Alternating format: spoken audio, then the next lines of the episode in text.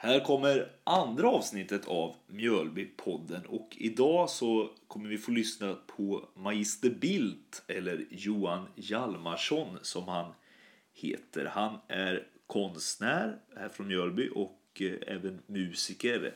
Han sjunger och skriver låtar i Mjölby baktaktsorkester men har även nu skivaktuell med en singel i sitt eget soloprojekt av Magister Bildt en låt som heter Hillbilly Land som vi kommer lyssna till senare sen.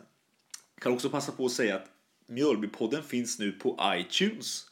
Så det vore jättekul om alla som använder det kan följa min podcast. Där söker man då på Mjölbypodden och sen kan man prenumerera på den podcasten. Men vi fortsätter lägga upp de här avsnitten på Soundcloud också.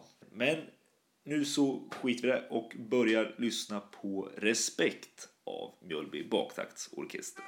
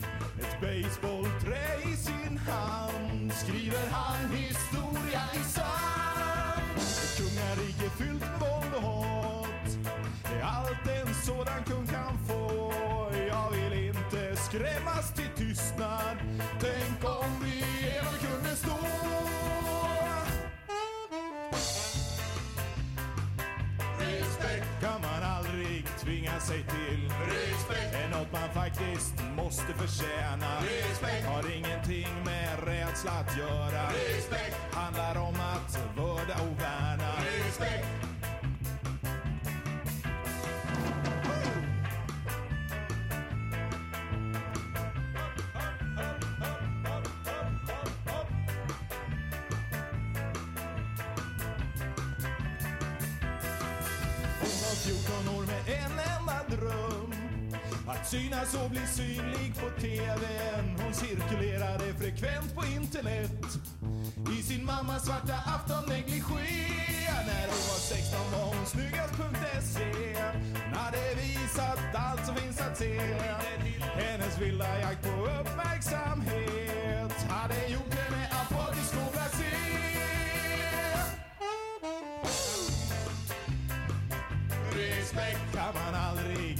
sig till. Respekt är något man faktiskt måste förtjäna. Respekt har ingenting med yta att göra. Respekt handlar om att vörda och värna. Respekt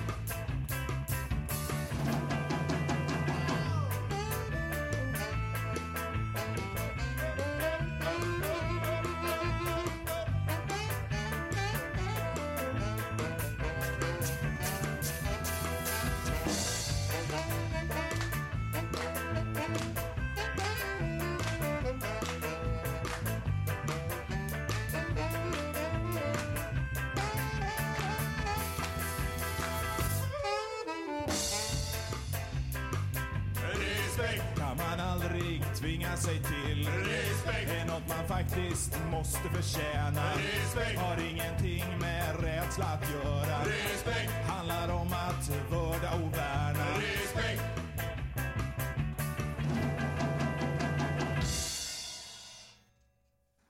Respekt. Den handlar om...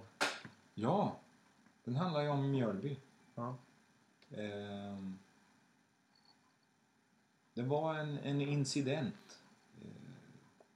En bekant som, som eh, träffade på en kille som hävdade att han var kung i Mjölby. Och att man skulle visa honom respekt. Eh, och han höll i ett baseballträ. Eh, och jag funderar mycket på det här begreppet respekt. Respekt är inte detsamma som rädsla. Eh, respekt visar man ju en människa för att den har förtjänat att bli respekterad. Mm.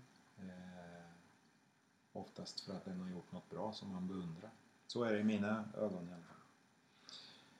Eh, och, och det blev första versen till låten Respekt som handlar om kungen här i stan som viftar med basebollträ. Ja. Och andra, andra versen handlar om tjejer som eh, vill få respekt genom att visa både det ena och det andra som de Mm. kanske egentligen inte behöver. För de är värda respekt i alla fall. Jag tänker, nu kanske jag är smal i mina referenser men nu är ändå inne på reggae och så här, med Nile City hade ju Ja. en, en avdelning i deras program som heter Boom Shakalak. Det Ja. säger de ju respekt. Ja, Det, alltså jag vet inte. Har det med, fanns det någon... Det var inte med det att göra alls. För det är ju reggae-nissar de två. ja, ja, ja, ja. Jo, men det är ju... Boy, Det är ju Stig och vad fan de heter. Ja men det är ju, det är ju, finns ju många låtar i reggae som, där man sjunger om respekt. Respect. Eh, och, och någonstans har ju Nile City hä- hämtat inspiration till den där sketchen ifrån. Ja. Eh, De är från Öland också. ja, Öland Roots-festivalen har inte hållit på mer än 11 år. Så den har ju kommit till efter sketchen. Men jag tror att det har funnits ett eh, reggae-näste på Öland längre än så. Likadant som det i, Skärblacka har funnits reggae-musik Just. i 35 år. Så det, det finns vissa platser där reggae lever. Bakgrunden till det tror jag var både Henrik Schyffert och Robert Gustafsson hade väl någon sommarhus på Öland tror jag. Ja, Och det var re- någon reggae, mycket reggae på sommaren. Alltså, ja. Ja. Jag har läst det i alla fall, sen om Ja. det stämmer vet jag inte.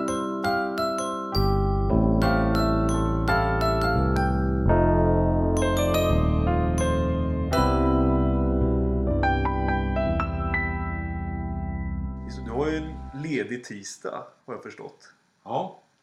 Eh, sen eh, sju år tillbaks tror jag det är. Så jobbar jag 80% och får lön.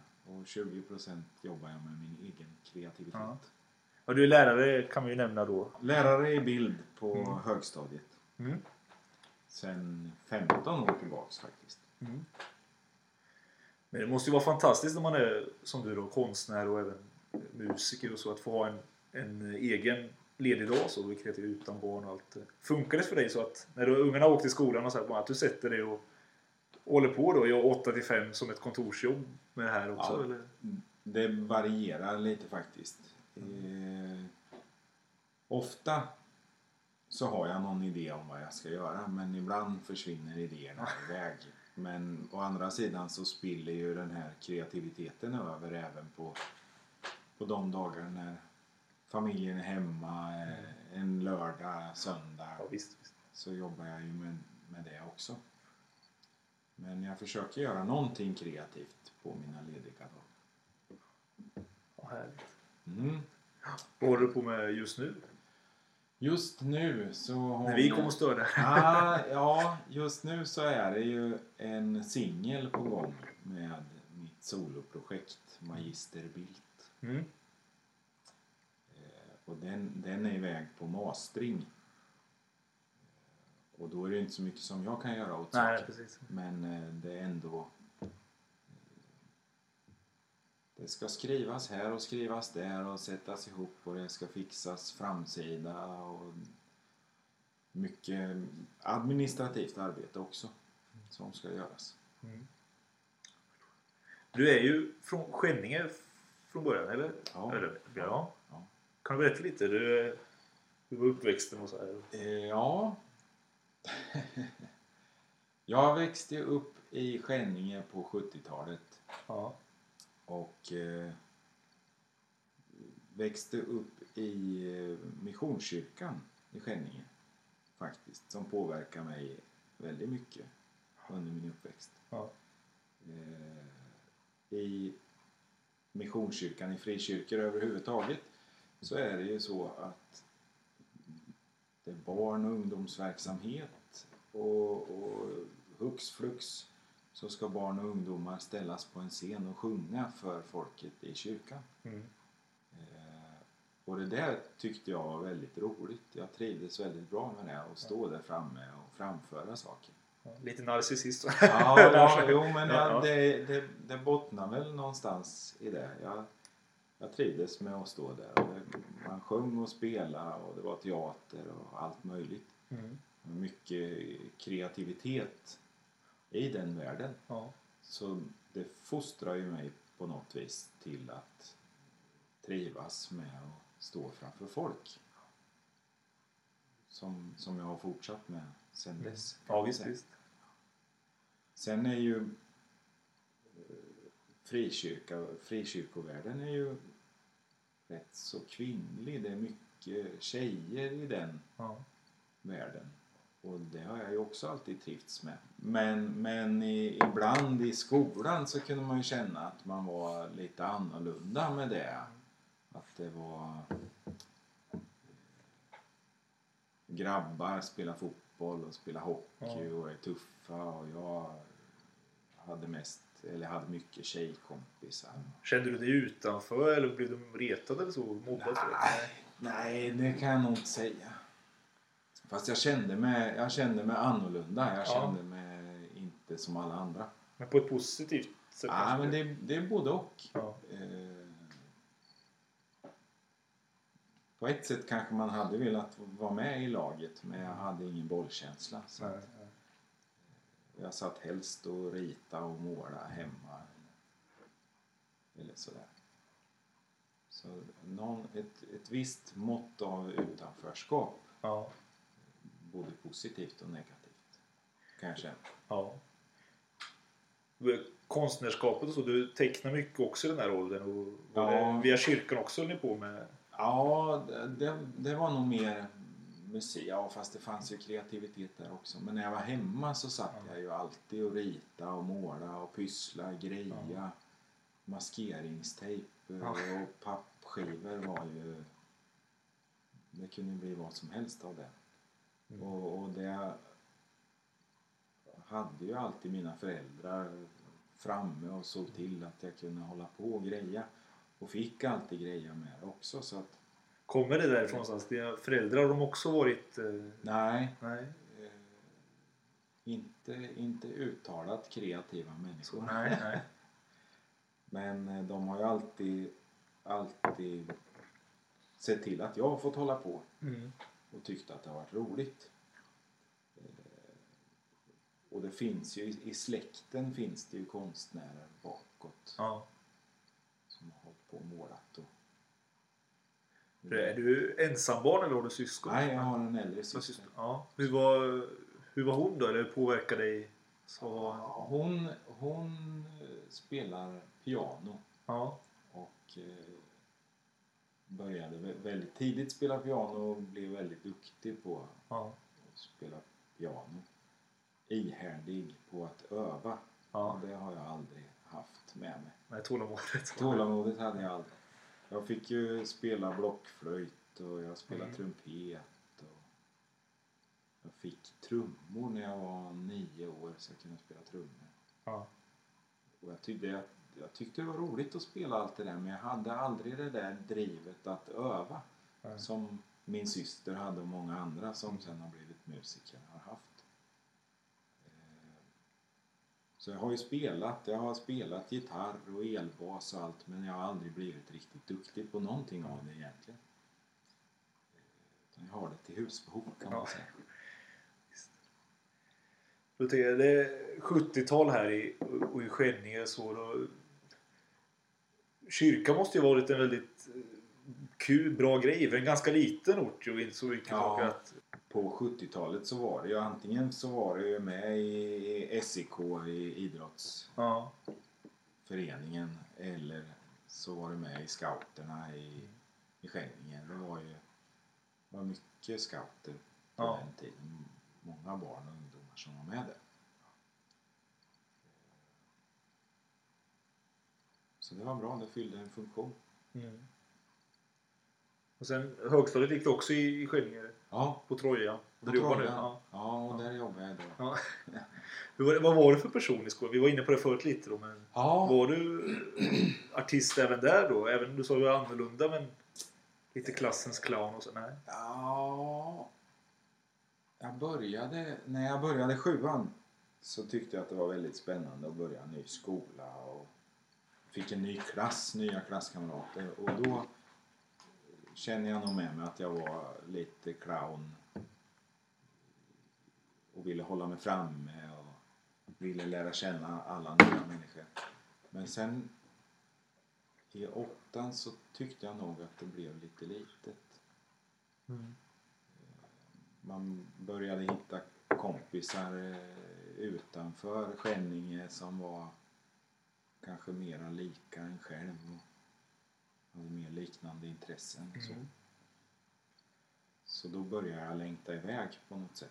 Ja. Jag har fått berättat för mig det. Jag vet inte vem det var som sa det. men Jag har gjort lite research innan. Men Ja, Att det var någon skolavslutning då tror jag. Du hade någon eh, hög hatt och lite sådana här grejer Ja, för det. Lite det här det var, ja, det var i, det var i nian faktiskt. det, ja. ja, det var, då hade vi frack och hög hatt. Ja, på skolavslutningen. Ja. på skolavslutningen. Ja.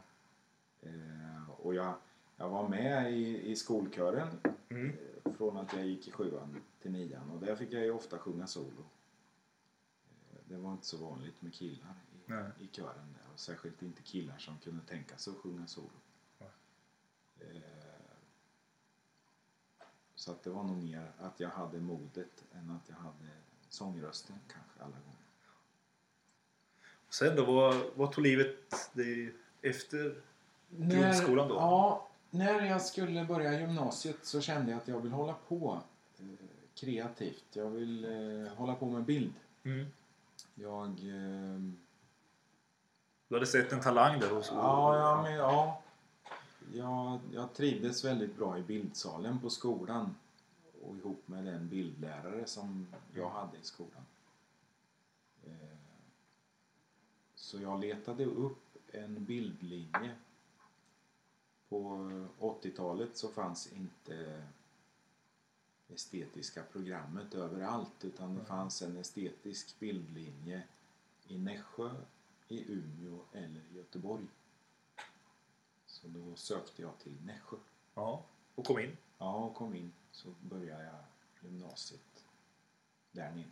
Och flyttade dit och allt. Ja, fick bo i egen lägenhet. Men kändes det bra? Var längtan till något större och något nytt och så här, Eller var det Ja. lite vemodigt att lämna Nej, trygga lilla det, det, det var jätteskönt. Samtidigt som i Skänninge så var ju jag...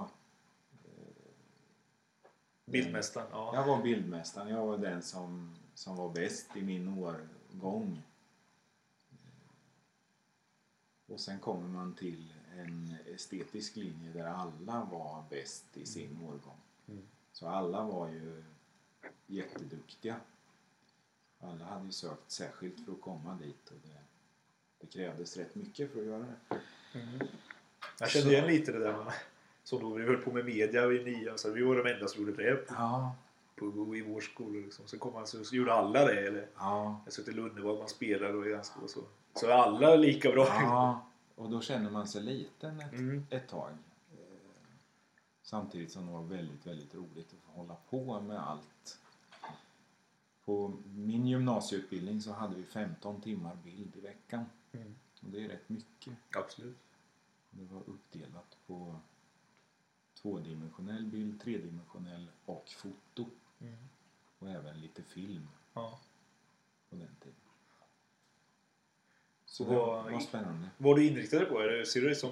Du hanterar ju självklart allt säkert. Men, Ja, är det själva målandet eller vad, vad man nu kallar Tecknandet? Eller? ja nej, jag, jag, är, jag, jag är ju...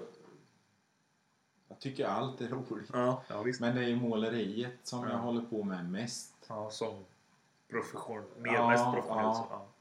Så att när jag har haft utställningar så är det ju med måleri jag har haft utställningar. Sedan vidare efter gymnasiet, var det konstfack direkt efter? Nej. Nej. Då, när jag började fundera på vad jag skulle bli när jag blev stor så hade min bildlärare från högstadiet sagt Bli aldrig bildlärare. Det hämmar all din kreativitet. Så det där ringde ju i mina öron när jag skulle söka vidare. Och eh, jag kände att jag, jag ville jobba med människor ändå på något vis. Och jag tyckte om att jobba med barn. Så jag sökte till förskollärarlinjen. Och gick en termin eh, i Norrköping. Mm. Men det var bara en massa tjejer. Mm. Och eh, de var äldre än vad jag var. Så jag kände mig rätt liten och ensam även där. Och, s- men sågs det också på den här tiden, tänker jag, en kille som vill läsa till förskollärare, så sågs det helt öppet så från, från samhället eller från kompisar i övrigt eller så? Ja, ja, För det kan ju inte varit lika jämställt på den tiden som det är Nej, idag. nej, det var det ju inte. Och om, om vi var 40 stycken i klassen så tror jag vi var två eller tre killar. Mm. Eh, Så att man var ju väldigt ensam där. Men, men man vill ju få in killar i barnomsorgen. Ja, visst. Och, och jag ville ju gärna in där men, men eh, jag orkade inte Nej. med det i den åldern. Och sen så sökte jag ett jobb på ett dagis och Ja, fick, fick det, jobbet. Så då jobbade jag där i nästan tre år Ja. på en och samma förskola. Men som förskollärare behöver man ha en ängels tålamod. Ja, så du inte hade som Det, förut? det hade inte jag riktigt. Nej. Eh, och det är mycket ta hand om eh, ja, vad ska man säga? Det är mycket det här eh,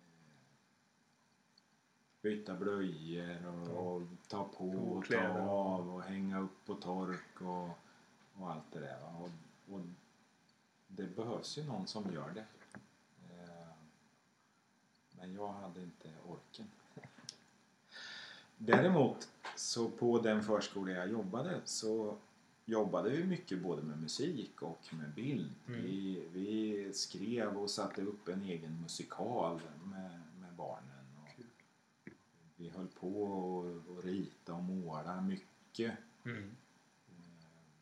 Och det kände jag var roligt. Så efter det sen så började jag att rikta in mig mot bildlärarutbildningen. Jag var tvungen att läsa in lite ämnen som jag inte hade fått med mig från gymnasiet. Och sen även jobba på ytterligare arbetsprover till Konstfack. Ja. Där jag gick. När, vilken tid gick du där då? Konstfack? Konstfack gick jag mellan 1997 och 2000. Hur är det där då? Hur, det alla konstnärer gör eller vill? Eller? Ja. Eh, konstfack är ju indelad på åtta olika fack eh, åt olika håll. Det är ju en skola där man vill, eller från början ville kombinera pedagogik, hantverk och de fria konsterna. Så att det är ju väldigt blandat. Det är skillnad att söka till bildpedagog som jag sökte till och till fri konst. Ja, just Ehm, Det är många fler som söker till färre platser på fri konst än vad det är som söker till bildpedagog. Men jag ville bli bildpedagog så för mig kändes det Helt rätt. Ja. helt rätt att få gå där. Och jag, jag var inriktad på att jag ville jobba på högstadiet eh, redan när jag sökte. Ja. Och det har jag funderat mycket på i efterhand sen. Att varför, varför vill jag det? När man kan jobba på gymnasiet Ja. eller folkhögskola eller Ja. vad som helst. För bildpedagogutbildningen riktar sig åt alla håll. Ja. Eh, Men ibland tänker jag att i högstadieåldern så händer det väldigt mycket med, med barn och ungdomar. Jo, klart. Och man, man eh, utvecklas ju till den människa som man så småningom blir. Mm. Och jag tänker att, att jag som bild och musikmänniska kan vara ett alternativ till eller för ungdomarna. Se att man kan vara något annat. Härligt. Nu äter jag bulle. Ja, får du göra. Mm. Men de här, jag har förstått, jag har gjort utställningar de här aporna det är något som har... Det med apor i din konst nu, det är en central grej. Ja, det var det i, i eh, den utställning jag hade förra sommaren, Ja. 2014. Ja. Var, var apan eller något med kunskapen också där och lära sig eller Mm. På väg som jag säger. Nej, men jag har alltid gillat apor. Ja. Och ehm, det, det börj, började utifrån en, en målning som jag bara gjorde utan någon egentlig tanke bakom. Mm. Men när den började växa fram så, så växte tankar fram också eh, som sen födde bild efter bild till den utställningen. Ja. Där eh, jag funderade mycket på eh, människ, människor, mänskliga relationer eh, och apan som människans närmsta släkting. Ja.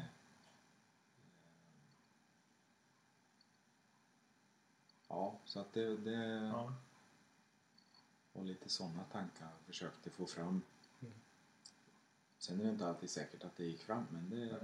Nej men det är en god tanke tror jag. Mm. Och det var en väldigt uppskattad eh, Mm. utställning väl? det? Det var väldigt mycket folk. Tidningen skrev. Ja. Men du är ju musiker också då och det är väl Mm. det som är väldigt aktuellt nu. Ni har ju, jag vet inte om man kan kalla det, som jag har förstått du lite frontman i, i Mjölby Baktaktsorkester. Mm. Skriver flest låtar nästan och, och så. Det kanske ja, inte stämmer? Ja. Det är jag som drog ihop baktaktsorkestern från början. Mm. Jag samlade ihop eh, ett antal bekanta. Och, och hade en, en dröm om att få spela reggae. Ja. Eh, Och det var ingen av oss som hade gjort innan spelat reggae. Däremot hade vi spelat i olika bandkonstellationer. Eh, Och det har väl inte blivit riktig, riktig reggae heller. Men det är baktakt i musiken i alla fall. ja. Vad är det ni har fått? Jag läste någon, det var jätteskönt. Bob Marley Goes Moscow eller något sånt där. Det var Mm. någon som hade kallat genren på insatsen. Ja, Och det tycker jag är ganska skönt. Alltså det sammanfattar ju nästan lite. Så. Mm. Ja visst, ja, men det är ju en, en mischmasch av olika influenser men alla låtar går i baktakt. Mm. Kan man säga. Och eh, när vi började med baktaktsorkestern så var det vi, vi ville spela musik och ha roligt. Eh, alla var för gamla för att, att drömma om att bli popstjärnor på heltid utan det här var något som vi ville göra för våran egen skull. Träffas och spela och ha roligt. Och eh, när vi började spela redan första repet så hade jag med en, en låtidé som vi började fila på och fick Ja. ihop en låt av. För, för ni spelar bara egna, eget material, ja, bara eller eget. Ja. Och det har varit tanken från början också? Nej, från början så trodde vi nog att vi skulle spela covers Ja. bara för att ha något att spela. Ja. Men, men i och med att den där låten satte sig redan första repet och vi tyckte det var roligt. Vi spelade in den på, på min mobiltelefon. Ja. Och, och, och sen så nästa rep så var det en annan i bandet som hade med sig en låtidé. Ja.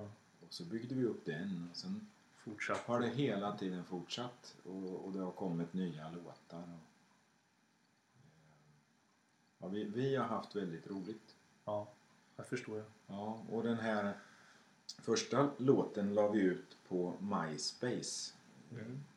Musikcommunity som inte är så bra längre men det var väldigt bra då. Ja. Eh, Där man ja, kunde sprida musiken. Folk var inne och lyssnade och kommenterade och gillade. Och, och på den vägen fick vi kontakt med andra band och Ja. det gav oss spelningar. Lite som jag tror Soundcloud vill vara Ja. idag eller så. Eller som Ja. funkar för vissa i alla fall tror jag. Mm. Jo, det nätverkandet, Ja. det var ju ett helt, helt, helt annat för Mjölby baktaktsorkester än vad det har varit för andra band som jag har varit med i tidigare. Där Ja. man inte har fått den där kontakten och den där bekräftelsen heller. För när man lägger ut en skramlig inspelning från en mobiltelefon och, och folk är inne och lyssnar och och gillar det de hör då, då vill man ju gå vidare på något Ja. vis. Så att det har alltid varit en väldigt eh, kreativ stämning i baktaktsorkestern. Och kommer man med en idé så möts man av ett ja. Mm. Det gör vi och sen kör vi. Så ingen av er hade spelat reggae innan så här, och du pratade också om att du lärde dig spela i, i Missionskyrkan och, och det, det är en helt annan typ av musik som jag eh, har fått för bilden Ja. av i alla fall. De här banden sen här emellan har det varit den här typen av proggmusik lite så- för det finns ju influenser Ja. av det också tycker jag i Ja. baktaktsorkestern. Eh, nej. Det, Är du ganska bred musikaliskt? så, ja, nej men det, Var finns det varit pop, pop och rock, indie, Mm. alternativ rock kan man väl säga att, att jag har varit med i tidigare. Ja. Som sångare då? och- Som, som sångare och kanske kompgitarrist. Ja. Mitt första band hoppade jag på i Nässjö när jag gick gymnasiet. Jag träffade en kille som jag, som jag visste spela men jag visste inte vad han spelade men han skulle bilda ett band och jag Ja. ville vara med i ett band. Så jag sa att jag kan spela bas. Ja fast det spelar jag, sa han. Ja men jag kan spela gitarr. Ja. Ja men vi har en jätteduktig gitarrist. Ja men jag kan spela trummor. Ja, jag har en trummis också. Kan du inte sjunga? Ja. Ja. Och på den vägen blev det. Eh, och ja, jag sjöng väl hellre än bra kan man säga. Eh, mer känsla Ja. än tonsäkerhet kanske alla gånger. Vad var det för band? Var det ett indieband? Nej, ja, vi, vi ville också spela egna låtar. Och ja, det, det bandet var nog rätt långt ifrån någon genre vi spelade. Ja. Och ni fick spelningar där också i Nässjö? Ja, det, vi kom aldrig så jättelångt. Vi, vi var med i någon sån här musikdirekt-tävling och spelade på gymnasieskolan där vi gick Ja. några gånger. Vi hade replokal bredvid ett band som hette Tyrant Okej, ja. som sen kom att heta Backyard Babies. Ja, ja. Mm. ja. ja de känner mig inte. Det var lite roligt faktiskt. Ja. Eh, Vi tittade snett på varandra. ja. Ni umgicks inte, det var inte... Nej, inte, vänskap, inte- eller till, till en början var det inte det. Vi tyckte att de var konstiga och de tyckte att vi var Ja. konstiga. Fast sen med musik är det ju på något vis så att man när man förstår att den andra gör också sin grej, det de vill hålla på med, så kan man se och gilla varandra även att man kanske inte alltid gillar musiken. Alltså Nej, det finns någon slags samhörighet där i alla fall. Mm. Absolut. Ja. För att gå till, tillbaka till baktatsorkester då började ni spela in och då, så något som jag är lite imponerad av, jag har också varit med lite ja, nu kommer jag från en orkestervärld och så men, Mm. men även varit med i rockband och, och sådana typer att det finns ju alltid något när man ska börja göra eget material en, en eh, fälla som jag tror många gånger att man står och jammar hur länge som helst och det blir aldrig någon låt men ni har ju producerat jag vet inte, är det fy, fem skivor? Nej, Fyra skivor. fyra skivor ja. Mm. Och sen har jag gjort en soloskiva av material Ja. som inte har fått plats. Nej precis, så det har ju gjorts en hel del låtar ändå måste jag säga, på ganska kort tid ändå. Ni har, ni har vanliga jobb, eller vanliga, ja, men ja. andra jobb också så Mm. utanför det här så... Mm. Ja, det är ju på hobby, hobbynivå är ju baktaktsorkestern. Men, Mm. ja, men kreativiteten och just det där att när det kommer en idé då är alla på och säger ja, vi Ta kör. den, och sen ja. försöker vi göra någonting av det. Mm. Lå- Låtarna växer oftast fram ifrån en, en idé, en text, en ackordföljd Ja. som vi bygger på och bygger en låt runt omkring. Sen händer det ju att vi, att vi jammar och jammar sönder det vi har också men, men eh, oftast så, så växer det fram. Och det, ni spelar ju ganska politisk musik i form av texter och så, Mm. eller hur?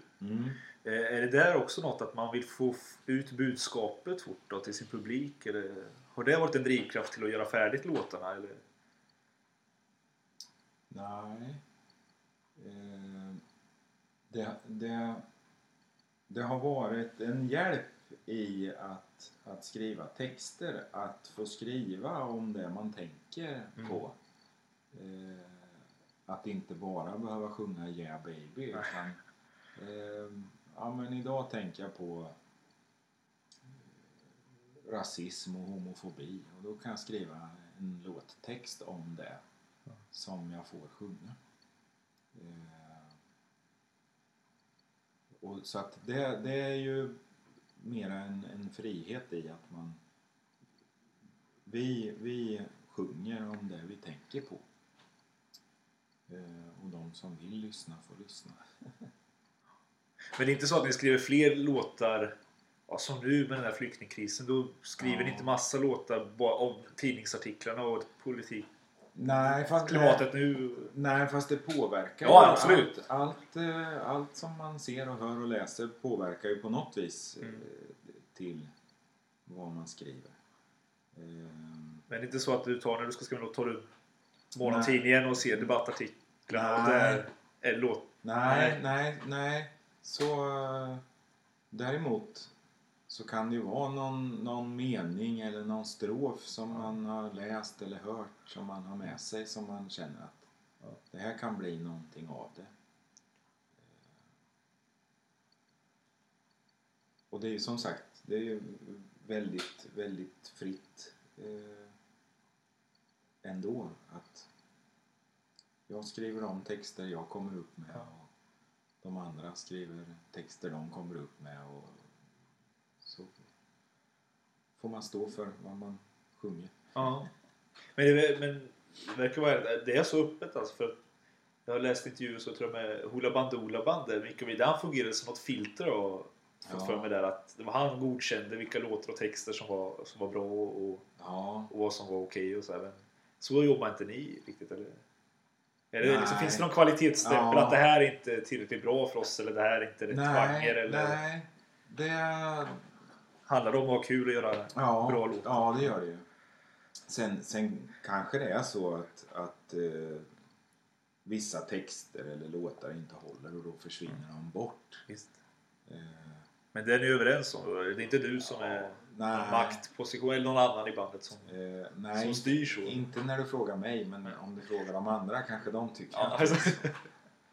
Men jag ser mig inte som Mikael Vi. Vi. Men redan när vi började, eller när jag började tänka tanken om att ha ett reggaeband så, så tänkte jag tanken att eh, det, det ska sjungas på svenska eh, om det ska, ska skrivas egna låtar. Ja. Och det kommer förmodligen att bli åt det rödgröna hållet. Mm. Så att det, det var ju en tanke redan från början. Eh, Så att de, de som är med har gått in med, med det. Ja, precis. Och det, det kan ju säkerligen vara en begränsning.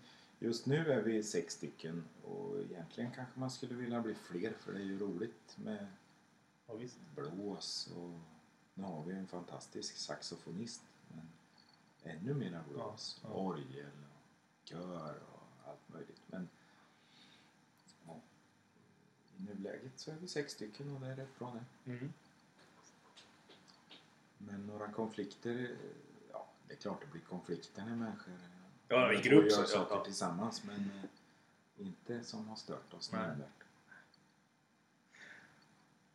Eh, Vägen till, till första plattan då? Kärlek och revolt heter den va? Nej. Nej, inte första, första skivan heter Politik. Just det, så är det. Mm. Förlåt, blandade jag ihop det. Och den, den vägen var väldigt, väldigt kort. Vi, vi blev ju helt uppsluppna i eh, det här skriva låtar, spela in. Mm. Så att Baktaktsorkestern bildades 2007, så det är åtta år sedan. eh, I september och i december spelade vi in första skivan. Och då hade vi sex låtar som vi spelade in. Ja. Det var alla låtar som vi hade gjort Ja. spelade vi in.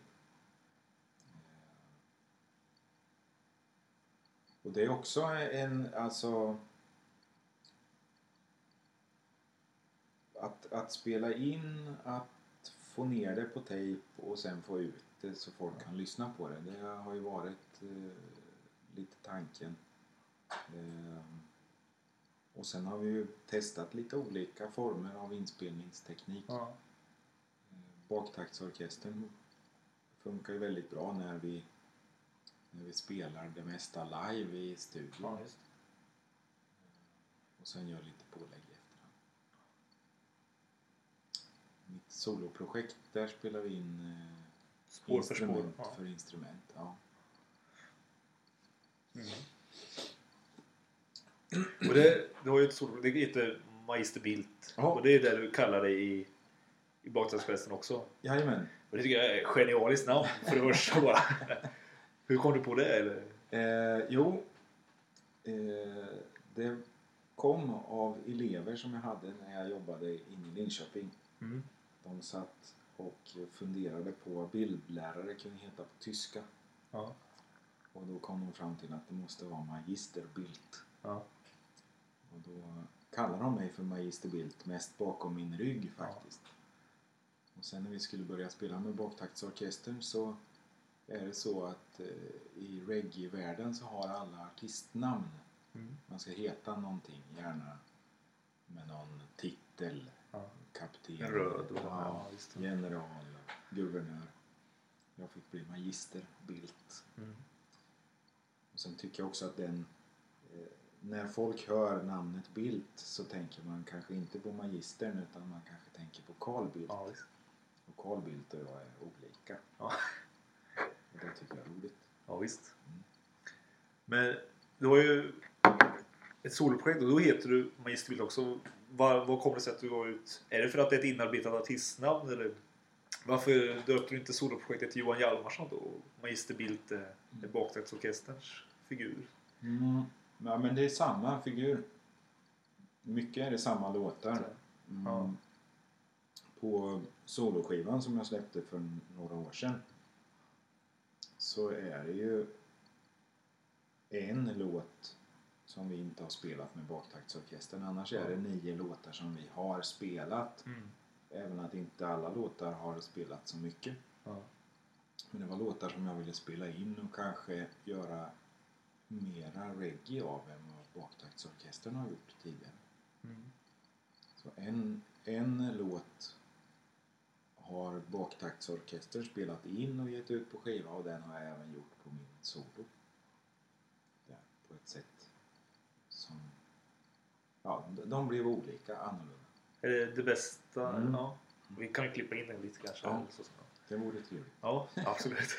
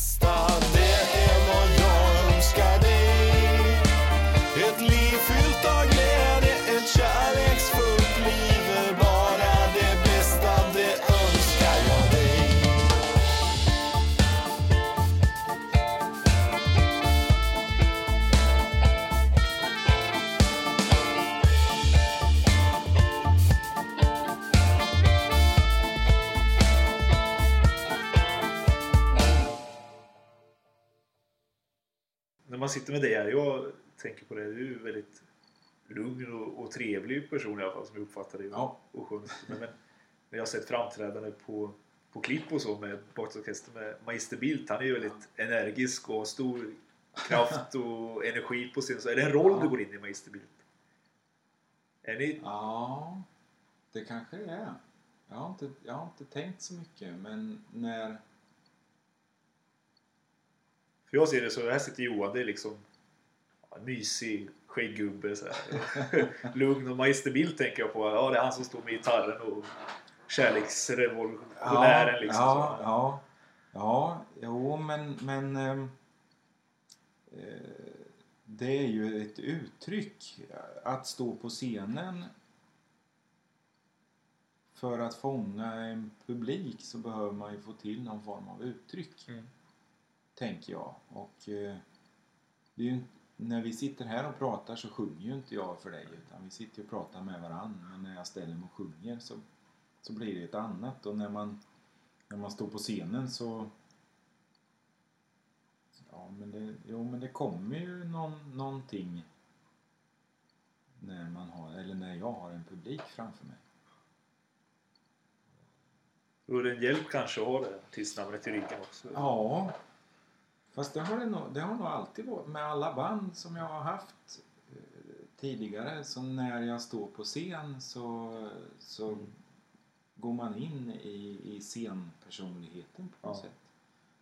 Och, och just när jag började med, med mina första band och kände mig lite osäker på att sjunga så var det utspelet på scenen var en del eh, också.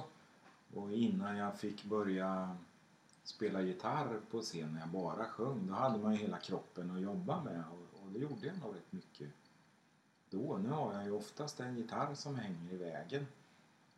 Eh, Så på ett sätt så skulle jag ju bara vilja sjunga så att man kunde eh, uttrycka sig ännu mer för man är ändå lite låst när man har en gitarr.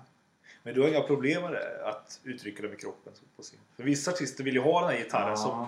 Ja, något, någonstans något, lite distans mellan Ja, publiken. Nej, men det, det känner jag att det, den skulle jag kunna vara utan men, men den behövs i I musik. musiken. eh, Liksom. Så det, det finns ingen scenskräck eller så här du tampas med? Jo, eh, jag, jag blir mer och mer nervös för varje år som går innan jag ska gå upp på scenen. Och baktaktsorkestern har ju gjort så mycket olika spelningar i olika sammanhang. Eh, och då har man ju haft magknip många gånger innan man har gått upp på scen. Eh, vi spelade i Norrköping för många år sedan på någon slags valupptakt för Socialdemokraterna tror jag. Det var flera hundra sossar som satt i en gympasal klockan 10 på förmiddagen. Och så skulle vi spela våra låtar för dem. Eh, och de flesta var ju gråhåriga eh, och äldre. Och vi tänkte att hur ska det här gå? Jag hade så ont i magen så jag inte visste var jag skulle ta vägen. Men när vi går upp och spelar våra låtar så klappar de takten, applåderar, sträcker upp näven i, i luften och, och skriker respekt när vi Ja.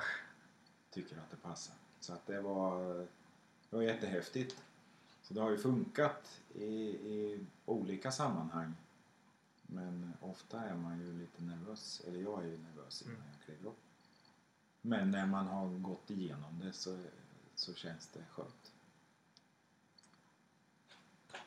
Eh, spel, alltså, ni spelade in första och så här. Kom spelningarna fort sen? Eller jag vet inte, tar ni betalt för att, för att spela? Ja, eh, vi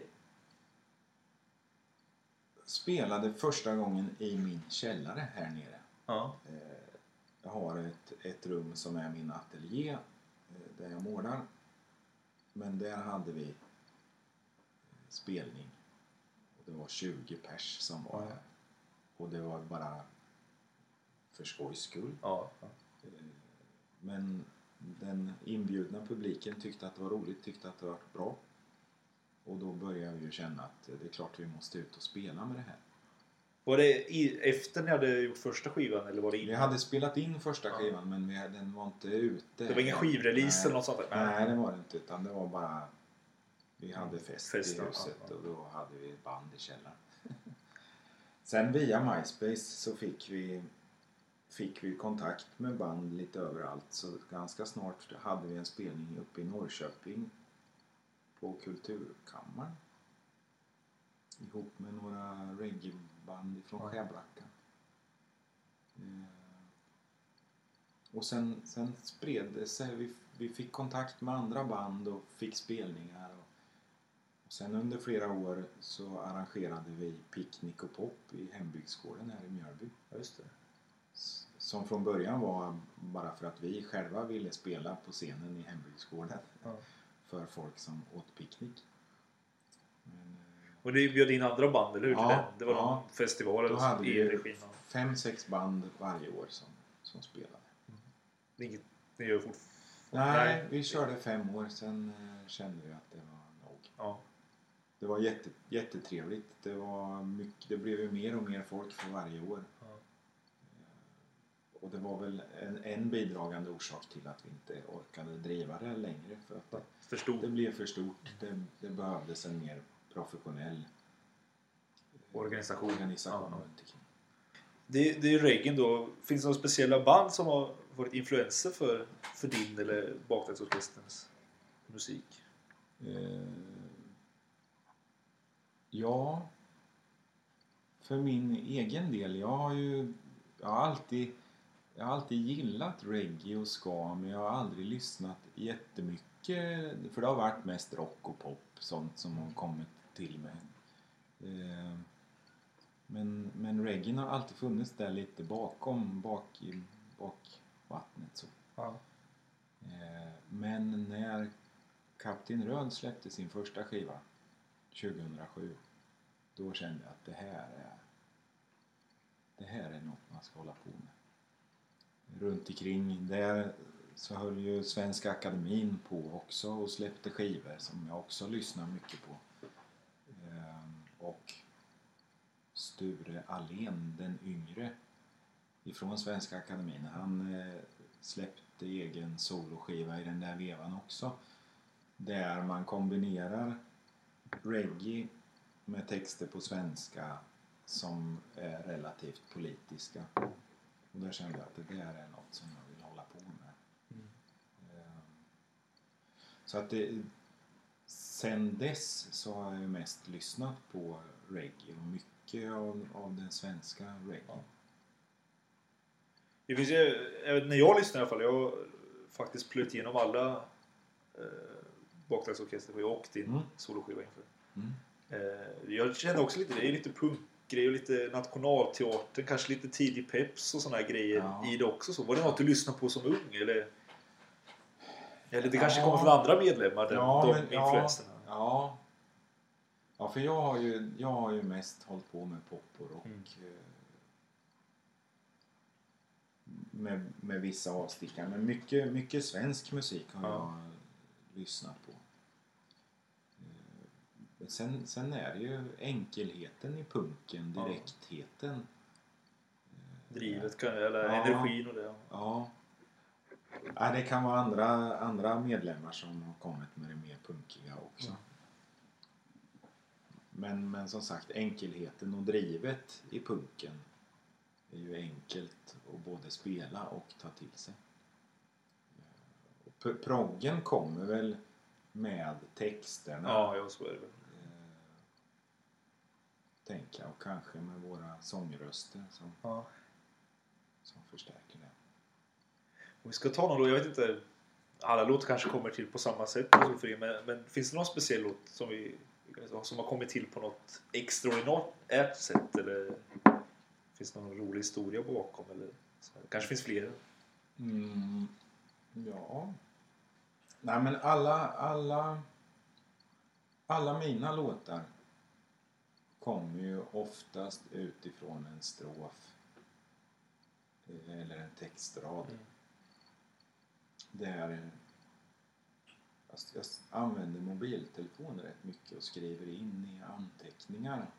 Har det Spelar in röstmemon också Ja, så. ja, det, ja. Så det kan komma en, en basgång i huvudet. Så här borde basen gå. Sen tar jag upp mobiltelefonen och spelar in. Ja. Sen har jag den liggandes så kanske det aldrig används. Men, men texterna kan man ju gå in och redigera och ändra på och fixa till. Och ibland kan jag vakna mitt i natten och ha en textrad i huvudet och, och så börjar jag skriva. Och det har hänt att jag har skrivit hela låttexter mitt i natten på ett streck när jag har vaknat. Liksom. Och den här singeln som jag ska släppa nu, den heter Hillbillyland. Det är en text som jag skrev för ja, kanske två år sedan. Ja. Eh, där texten kom rinnandes eh, en, en natt. Så. Sen låg texten utan melodi, utan någonting. Jag visste inte hur det skulle vara. I säkert ett och ett halvt år innan jag tog gitarren och satte, satte melodi. Och då gick melodin nästan på en gång också. Så låten kom i två chock kan man säga. Men den låten, Hillbillyland, handlar om eh, att växa upp i ett eh, utanförskap i en trång värld Ja. med eh, rasism och homofobi. Är det inspirerat av din egen uppväxt? Ja, ja det är det ju. Men, men också av att växa upp i en liten stad Ja. överhuvudtaget. För jag tror att det är likadant för många mindre städer. Det, det finns en risk att det blir inskränkt. Ja. Och det tror jag att man behöver öppna upp och vidga lite. Jag växte upp i ett hillbillyland Ett villaområde i en liten småstad. Hemmafruar och husmanskost. Skilsmässobarn med plastföräldrar. Blonda kalufser och blåa ögon. Raka led och hand i hand. Ishockey, fotboll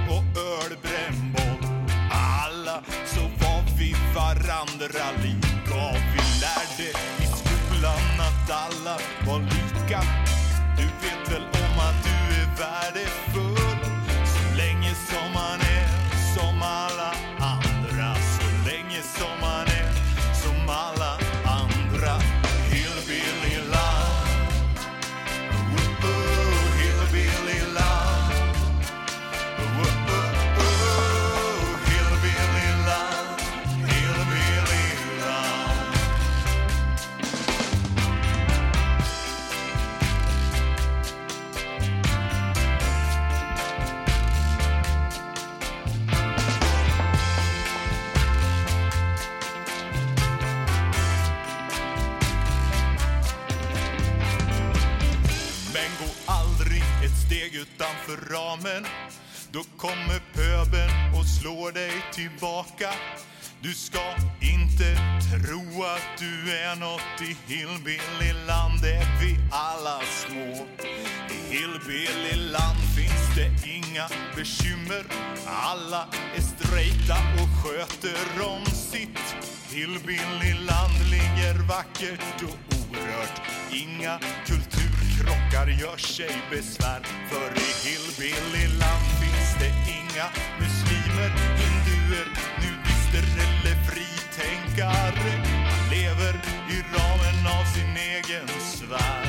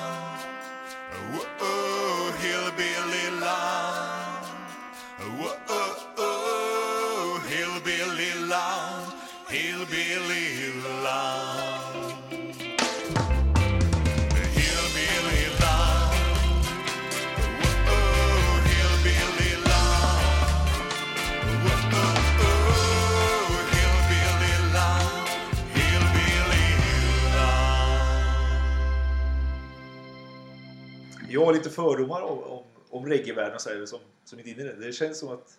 Det har alltid funnits fördomar om att det är mycket röka gräs och, eh, och droger och sådana grejer och så. Stämmer det? Ja, det finns ju i, i reggaen, i och med rastafari, så finns det ju en, en gren som, som tycker att eh, gräset är en, en väg till Gud. Och det tror inte jag. Eh, jag eh, är ingen drogförespråkare överhuvudtaget. Och jag tycker att det är sorgligt att man tar den vägen. Vad har ni i pipelinen för, för baktaktsorkestern nu då? Du, du släpper en ny singel här i, med ditt soloprojekt. Men Ja, eh, Baktaktsorkestern släppte ju en skiva i våras mm, med eh, sex låtar. Skivan heter Succé. just det. Och nu har vi ytterligare en låt som vi ska spela in nu under hösten. Men Ja. det blir en låt, en Ja. singel. Mm. Vi har aldrig spelat in någon video. Så det har vi ju funderingar på att göra nu. Det ligger liveklipp på Ja, Youtube bra. eh, så, men det är ingen, ingen video. En snygg video ska vi se till att producera under hösten. Vad har ni kvar då? I, eller, är det något liksom... Om man tänker på ditt soloprojekt och så. Är det, är det hörn som du inte utforskat än och så som du vill gå in i? Med soloprojektet så är det ju egentligen att sätta ihop ett, ett liveband Ja. för de låtarna, eller låtarna på det sättet. Ja. Men det är ju också ett stort projekt att få ihop musiker som vill spela och som vill spela precis så som jag säger. Ja. Eh, Så att det vet jag inte.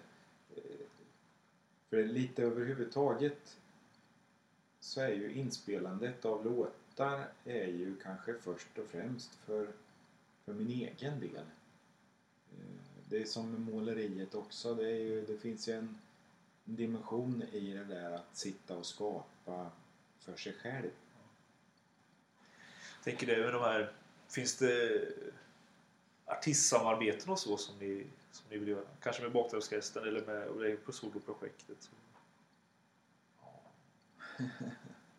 Har ni någon drömgäst eller? Vi hade ju, när baktaktsorkestern i början så var vi väldigt eh, öppna. Vi ville ju spela med allt och alla. Vi, Ja. vi ville ju spela med körer och orkestrar och allt möjligt. Det blev inte så mycket av det men vi hade alla Har det blivit något prat, sånt? prat på gång. Nej, Men det är inte för sent än i och för sig. nej, nej det är det inte. Nej men... Eh, sen är det ju alltid lite råddigt att, att repa ihop sådana såna grejer. Och är, har man begränsningen att man repar en gång i veckan då, då kommer man ju inte så långt. Eller man kommer inte så fort framåt. Ska vi gå ner och kolla i i ateljén lite också? Ja. Får vi det? Ja, det är väldigt, väldigt rörigt. där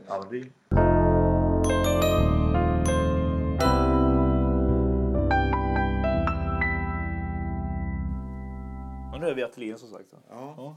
Trummor står här. Eh, och instrument. Så här, här inne gjorde vi vårt första gig med baktaktsorkestern. Trångt och mysigt. Ja. Punkigt. Så de här två mattorna som ligger här, det var bandets del och sen de andra mattorna var publiken.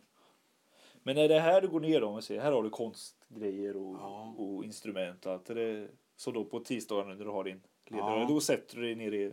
Ja, I käll- eller- ja inte, inte alltid men, men eh, ibland. Särskilt inför utställningen då satt jag ju här nere jämt Ja. eh, och målade och målade och målade.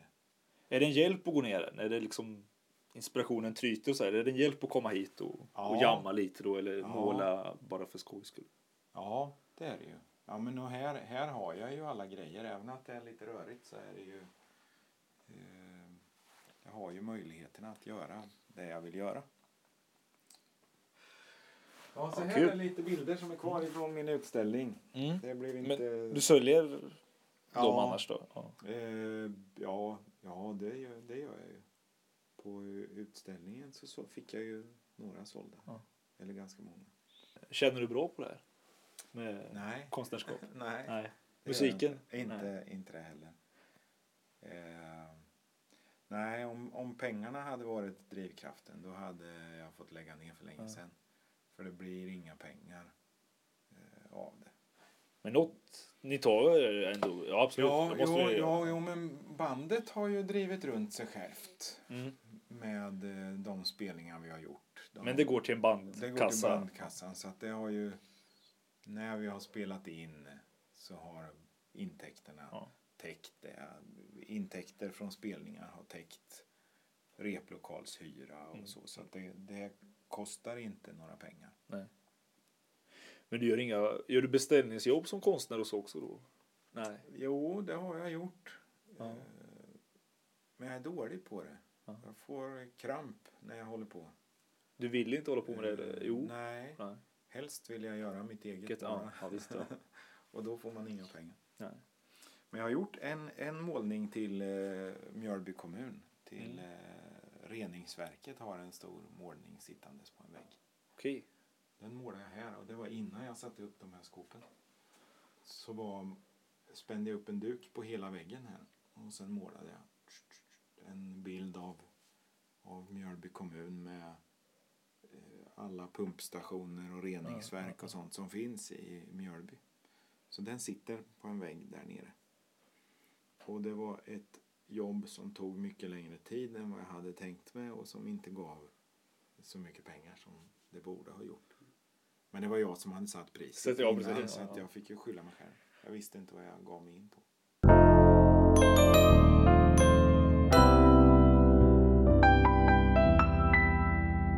Eh, jo, jag hade en idé om att jag skulle spela en låt som eh, skulle handla om att det, det finns hopp.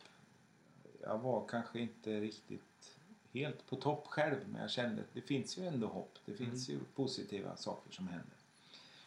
Eh, jag hade lyssnat på en, en låt som hade en OA-stämma. Det var en körsång som låg kvar. Så den där körsången, stämman hade jag liggandes i mitt huvud och hade en egen version av som jag tänkte det här ska jag ha med i min, min låt om hoppet. Och så ringer det på min dörr. Och utanför står Jehovas vittnen.